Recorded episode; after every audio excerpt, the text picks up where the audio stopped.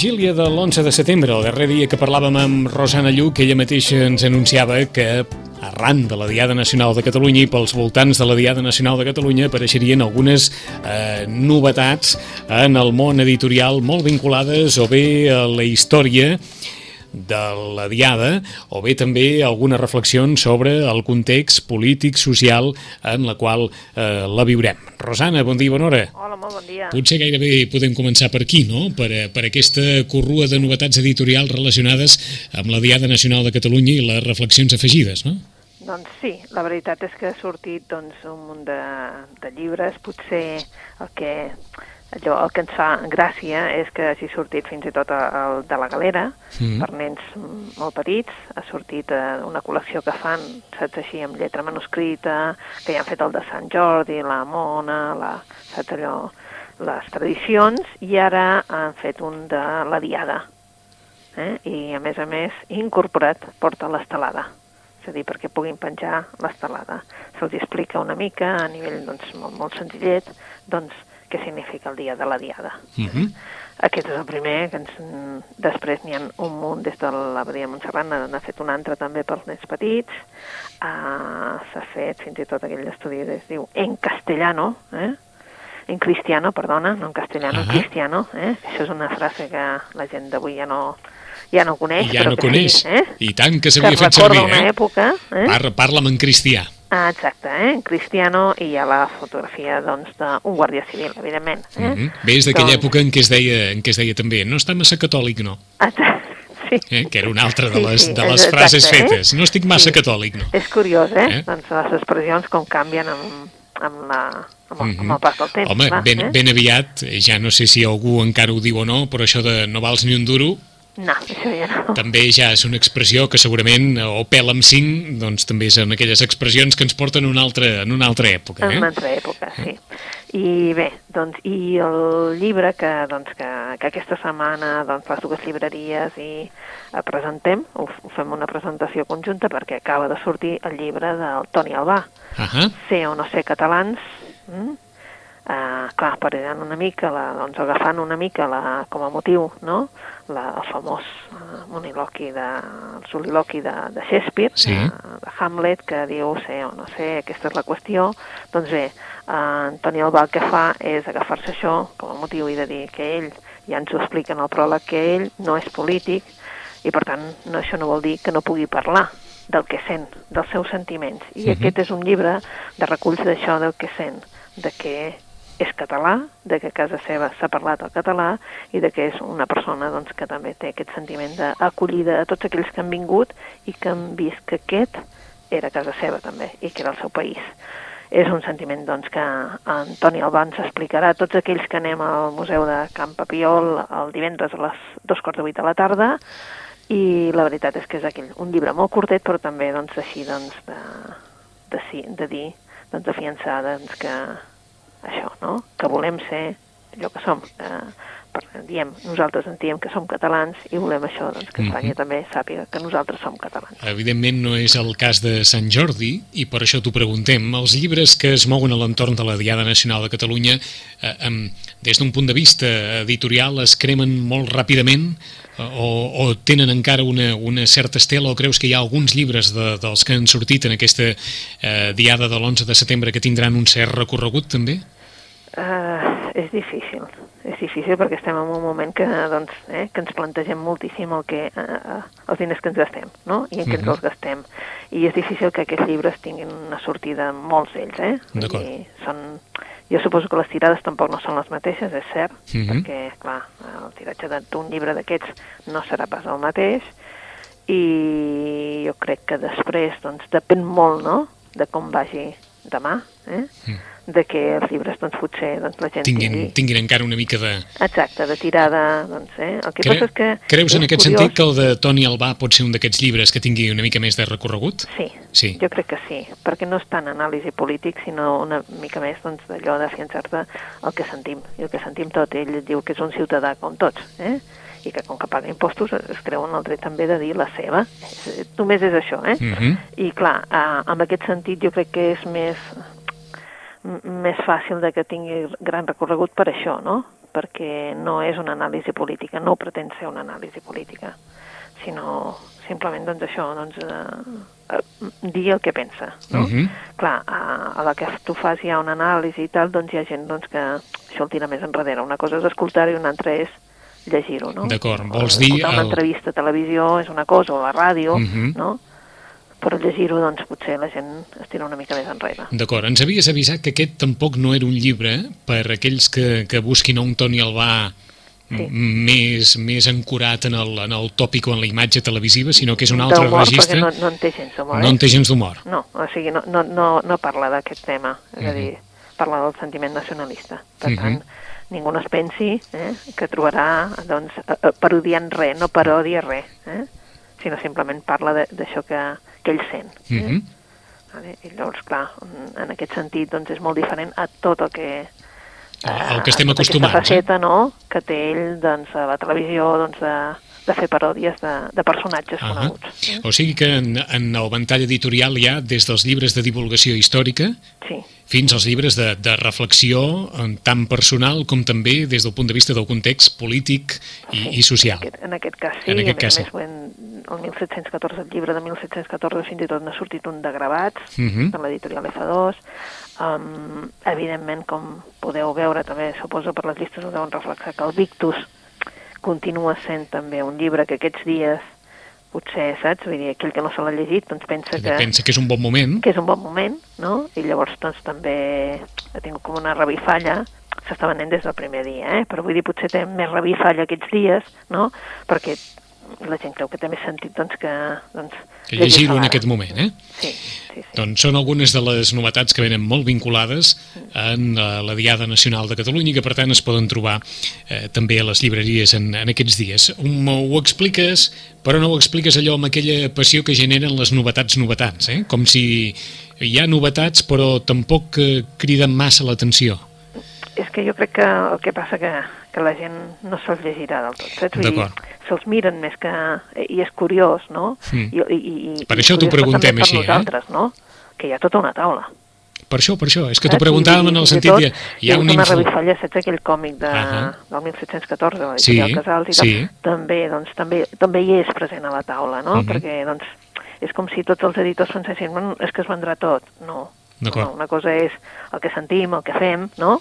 I com ens movem, però una altra és que jo crec que tant de llegir pot, potser no estan preparats, eh? D'acord, per això t'ho preguntava, perquè hi ha, hi ha una certa sensació paradoxal, eh? La llibretera que diu tinc tota una taula plena, Plena. de novetats dedicades a l'11 de setembre i tinc bastant clar, per experiència, que serà molt difícil que aquesta taula es buidi. Sí, sí, sí. D'acord. T'haig de dir que, per exemple, amb el que hem començat, amb el dels nens, Sí, eh, és potser el més venut, d'acord. Saps? Vull dir... El, de la, el de la galera, no? El de la galera, El de la la, galera. la galera, que ha fet aquesta diada de l'11 de setembre. Mhm. Llavors, clar, suposo que també és una manera no, de tots aquells nens que els pares els portaran a la via, no? doncs explicar-los una mica no? què significa el dia. D'acord. Vull dir, Eh, És a dir, la, la part més per, per als més menuts, més Sí. adreçats a... sí, sí, aquest ha estat un potser dels llibres que més s'ha venut aquests dies. Ahà. Potser, dels- saps? Vull dir que també és, és curiós, no? També que, que, que els hi vulguin explicar, és una manera d'explicar-ho, no? Suposo que tampoc no tens molt clar com li expliques, Sí, no? i és una bona Sí, forma eh? d'acostar-s'hi, eh? Exacte, doncs llavors doncs, és una manera, no? I Ahà. també de regalar-los, doncs ja... Eh? Diversos pares han dit, escolta, com que anem, doncs li vull explicar què anem a fer allà, eh? Mhm. Una mica això. D'acord, doncs que quedi clar que per tots aquells que tinguin allò un interès especial hi ha força novetats editorials relacionades amb l'11 de setembre.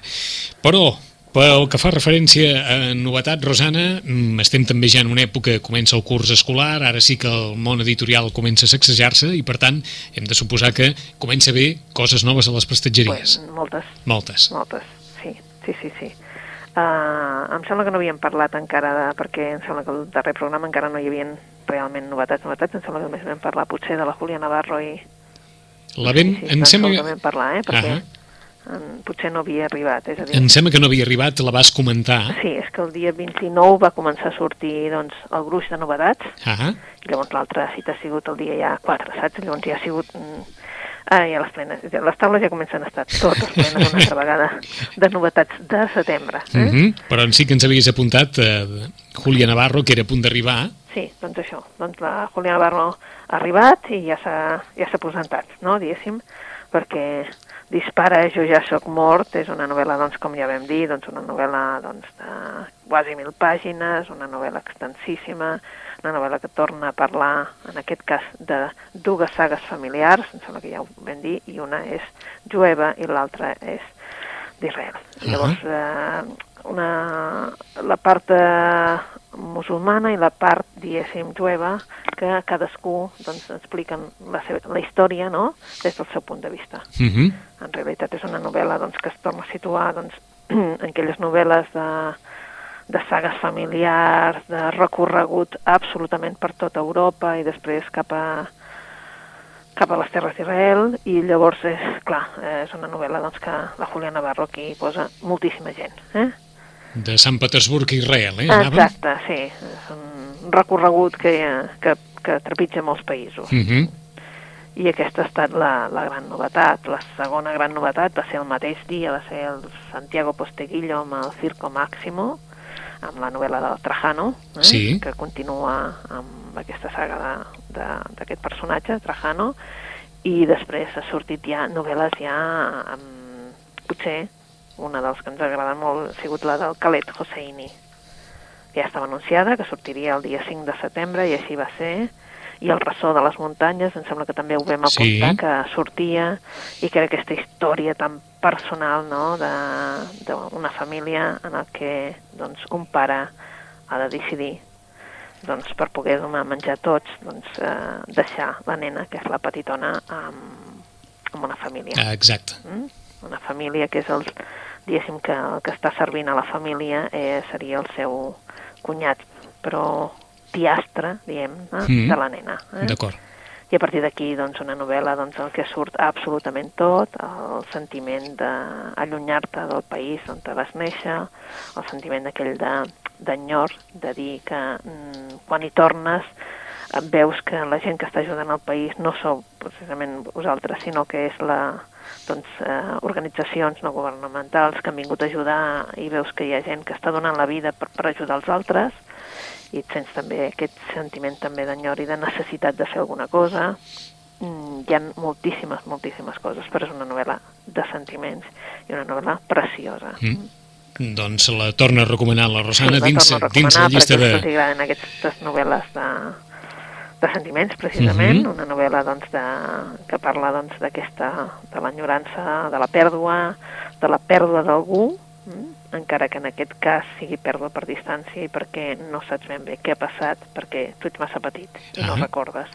I fins que no ets molt gran pots recordar, eh? perquè algú t'ho fa recordar. Mm -hmm. Tornem a recordar el títol, Rosana? I el ressò de les muntanyes. El ressò de les muntanyes de Karek Hosseini. Khalid Hosseini, sí, en castellà es diu I les muntanyes hablaron, Mm -hmm. també una, una, una portada preciosa, no? un pare que té la nena a sobre i el nen a la mà i que va des del seu poble, eh, un poble perdut, mm, diguem-ne, amb pocs recursos, que van fins a Kabul i encara amb un viatge que ells no saben exactament què passarà, però és clar, a partir d'aquest serà un viatge de no retorn per la nena. Mm -hmm.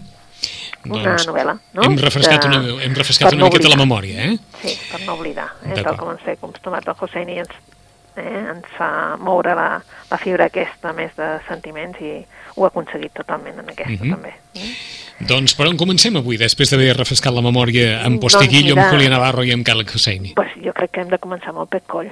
Vinga. El Pep Coll, que, clar, evidentment, el Pep Coll, quan parla, parlem de Pep Coll, ja normalment ja tothom se situem al, llac Lluçà.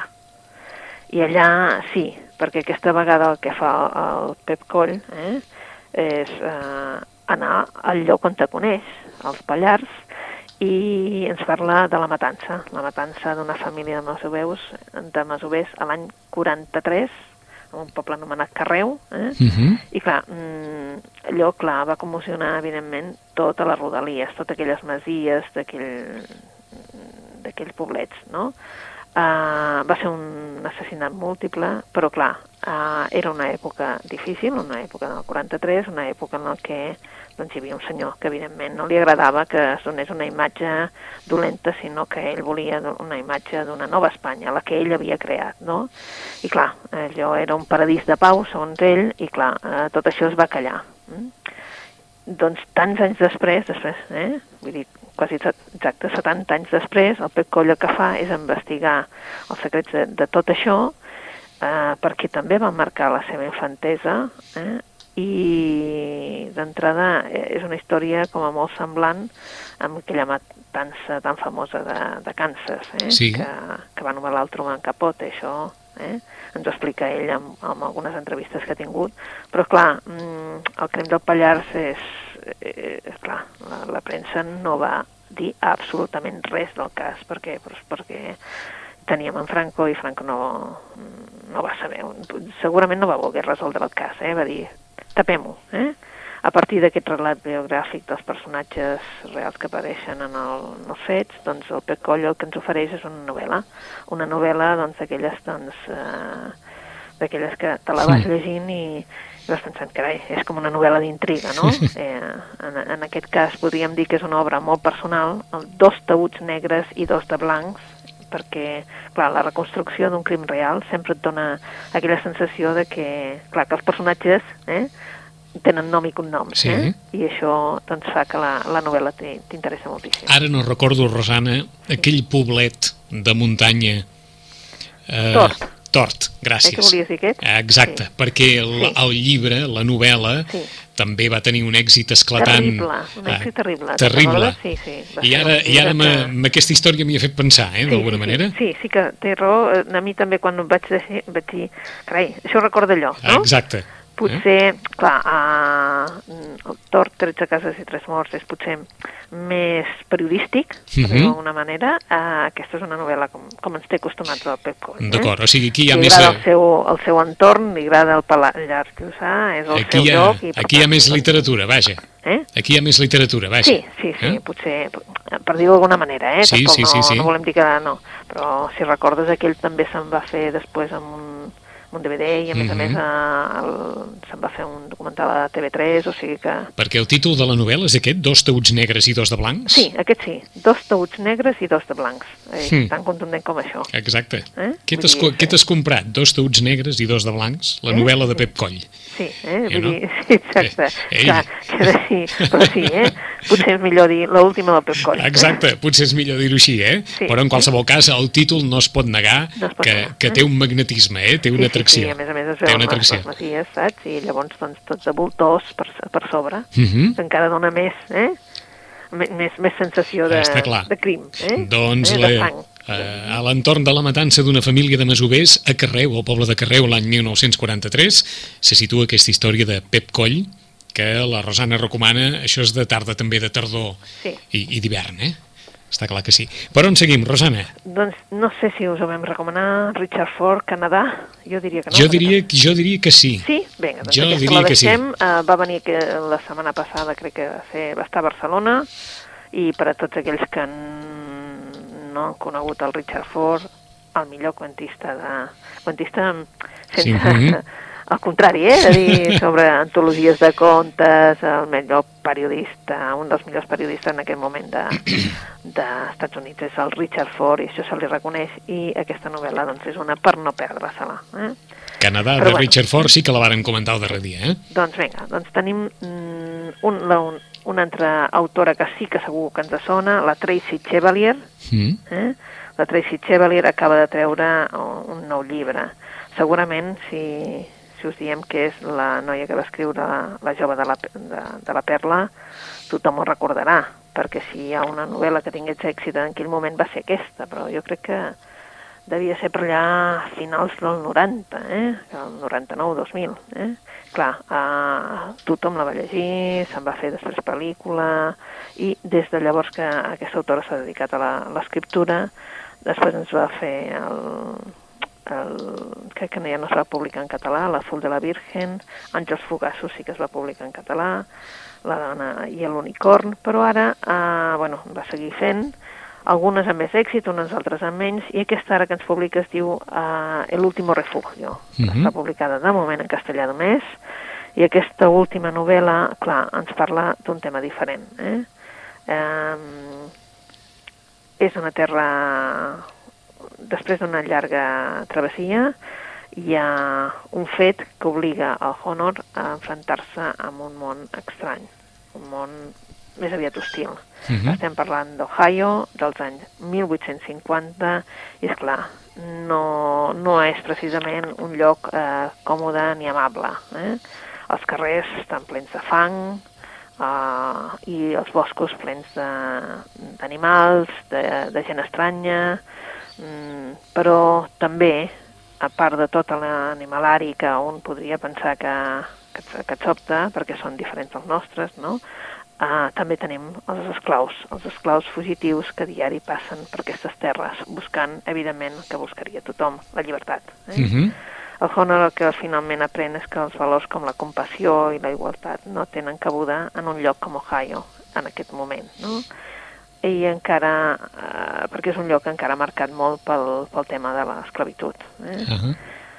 mm, la veritat és que amb ell només uh, té aquesta dignitat per mantenir-se viu i les forces per seguir endavant. Eh, és un, el que fa ara aquesta, aquesta, aquesta autora és portar-nos uh, una nova heroïna, una dona que fuig de la terra amb els ulls tancats i que apren a mirar de cara per trobar-se amb el que necessita, la llibertat. Eh? Mm. És un, un vaixell que, va, que, que va des de Bristol cap a les terres americanes, sí. no? i aquí eh, hi ha una jove, aquesta jove, la Honor, eh, la Honor, que és una jove quàquera, eh, i a partir d'aquest moment, doncs, com que deixa enrere Anglaterra, eh, s'enfrenta doncs, amb tot un món nou, però a més a més un món que desconeixia, i sobretot que és el món de l'esclavitud. D'acord, se'n sortirà? Hmm. L'último refugio mm, no sabem encara si sortirà en català, però de moment la tenim únicament en castellà. Uh -huh. Sí, perdona, sí, sí que surt en català. D'acord. Ha sortit en Magrana i ara em pensava, no, sí, sí, sí, sí, ha arribat amb, aquesta setmana amb, amb l'editorial de Magrana, però que com que és totalment diferent el format, l'estil, absolutament, ara estava una mica equivocada, sí. Uh -huh. eh? eh L'últim uh, refugi en català amb la Magrana. Eh? T'ho preguntava si ella, la protagonista, se'n sortirà o no. Si se'n sortirà.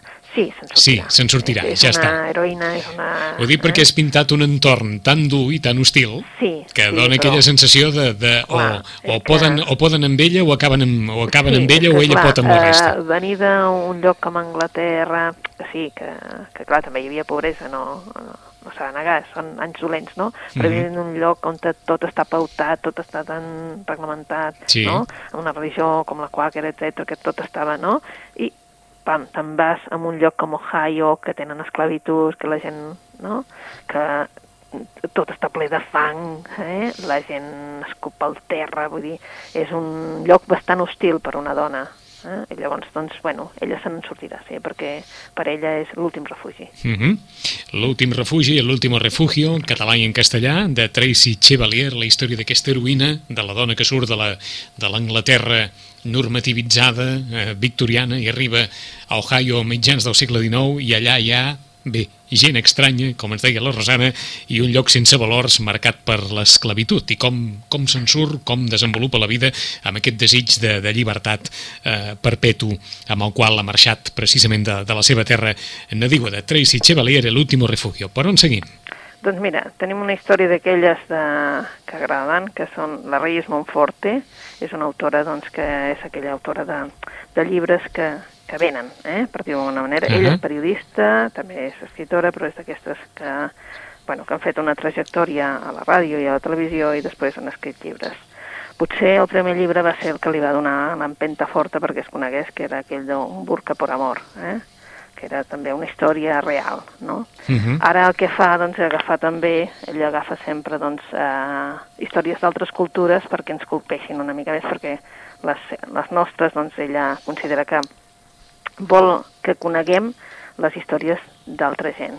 En aquest cas, és la història d'una noia, una noia, la Laia, que és una noia saharaui, Sí. que ha començat ja una vida nova a Espanya. Eh? Va venir per estudiar una carrera, a, planeix anar-se'n a viure amb el seu nòvio, Julio, i que té aquesta família d'acollida que de, realment l'apoya i, i doncs, eh, Mhm. li dona suport, l'estima, etc. Però, és clar, ella ve d'una altra realitat, d'un campament de Jaimes eh, de Gila. Eh? I ara eh, aquest passat que ella té i que realment doncs, vol oblidar, doncs torna aquest passat per, per, per recordar-li que aquest passat forma part nostra i que això no pots canviar. Eh? El pare de Julio, el Carlos, també guarda un secret d'una història d'amor que va viure fa molts anys, però que en realitat doncs, mm, va ser l'amor de la seva vida. Eh? La Maima, que va conèixer en un altre lloc i que va desaparèixer amb l'entrada de l'exèrcit marroquí per l'ocupació del Sàhara, eh? allò Sàhara espanyol al novembre del 75 crec que va ser. Eh? Mhm. D'ella no em va saber res més, el pare, el pare de, de la nòvia, de la, la Laila. Però quan la Laila eh, desapareix per retrobar-se amb els seus fantasmes del passat a Marroc, doncs les dues històries sembla que tinguin doncs, uh, un front comú, no? I clar, que les dues històries es tornen a retrobar, per dir-ho d'alguna manera, no? La Lala i el Julio i el Carlos i la Maima, no? És una aventura entre aquests quatre personatges, eh? que vas entre el passat, el passat i el present, però que en definitiva és la lluita per un amor, eh? un amor impossible. Bé, és una... té la, la gràcia de, de, de les, dels paisatges de les dunes de, del desert, no? I és un, un creuament de destins, perquè sempre hi ha un passat enrere, un passat que de vegades doncs, portem arrastrant, però que no volem que els que estan al costat nostre sàpiguen. Tornem a repetir el títol, Rosana. Es diu Besos de arena. Besos de arena de Denis d'arena de Montfort, Reyes eh? Montforte, clar, Ja. tot ja, la portada ja convida, doncs, no? El desert, eh, una noia que la veiem d'esquena, eh? bueno, un paisatge idíl·lic, no?, diguem-ne, però pels que ens agraden els paisatges de, de sorra, eh? Ara he dit idíl·lic, és clar, algú veu un desert i potser em diu idíl·lic, no en té res, no? Però pels que ens agraden els paisatges de sorra, doncs sí, eh? Mhm. I aquest pesos d'arena, doncs suposem que apel·larà a un munt de, de, de lectores que busquen aquestes històries doncs, més personals i més de d'històries d'amor. I per acabar, en què podem acabar? Doncs mira, eh, podem acabar, per exemple, amb... Que en tenim tantes que podem acabar, per exemple, amb el del Carlos Casajoana. Eh? Si us en recordeu, també fa, crec que eren fa dos Sant Jordis o tres, ja no recordo, va haver un llibre que va ser un dels que més es va vendre, que va ser el llibre que es deia L'últim home que parlava català. Sí, oi tant. ser, eh? Però o passa molt ràpid el temps o tinc la sensació que deu fer 3 anys com a mínim, Eh que eh? sí? Jo diria tres. Com a mínim per Ara no més, eh? Dic no, tres com a mínim, Com a no? mínim. Te'n recordes que va ser allò Sí, una sorpresa? oi tant, oi tant. eh, del Carles Casajoana, doncs aquest autor, el Carles Casajoana, ha, parlat, ha fet ara un altre llibre que es diu El malic del món. Eh? Bé, el malic del món doncs, vol recuperar eh, els personatges de l'últim home que parlava català i ara ens presenta la redacció d'un assaig sobre Catalunya i la manera de ser dels catalans. Eh? Hm. Ramon Balaguer, el director de la col·lecció d'assaigs d'una important editorial, encarrega el projecte a un antic company, el Miquel Rovira. L'editor que vol és un llibre divertit, un llibre allò amb gràcia, fet amb gràcia, però, clar, l'autor creu que la situació de, de Catalunya no en té gens de gràcia i no serà fàcil, eh? perquè s'han de posar d'acord l'editor i el que l'escriu, eh? el Miquel Rovira. Eh?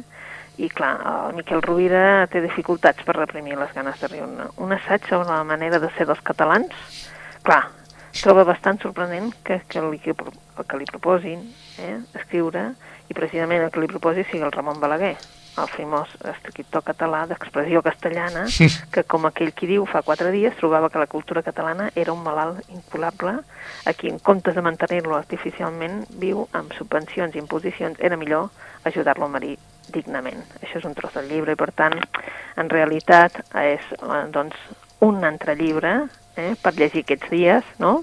precisament per això, no?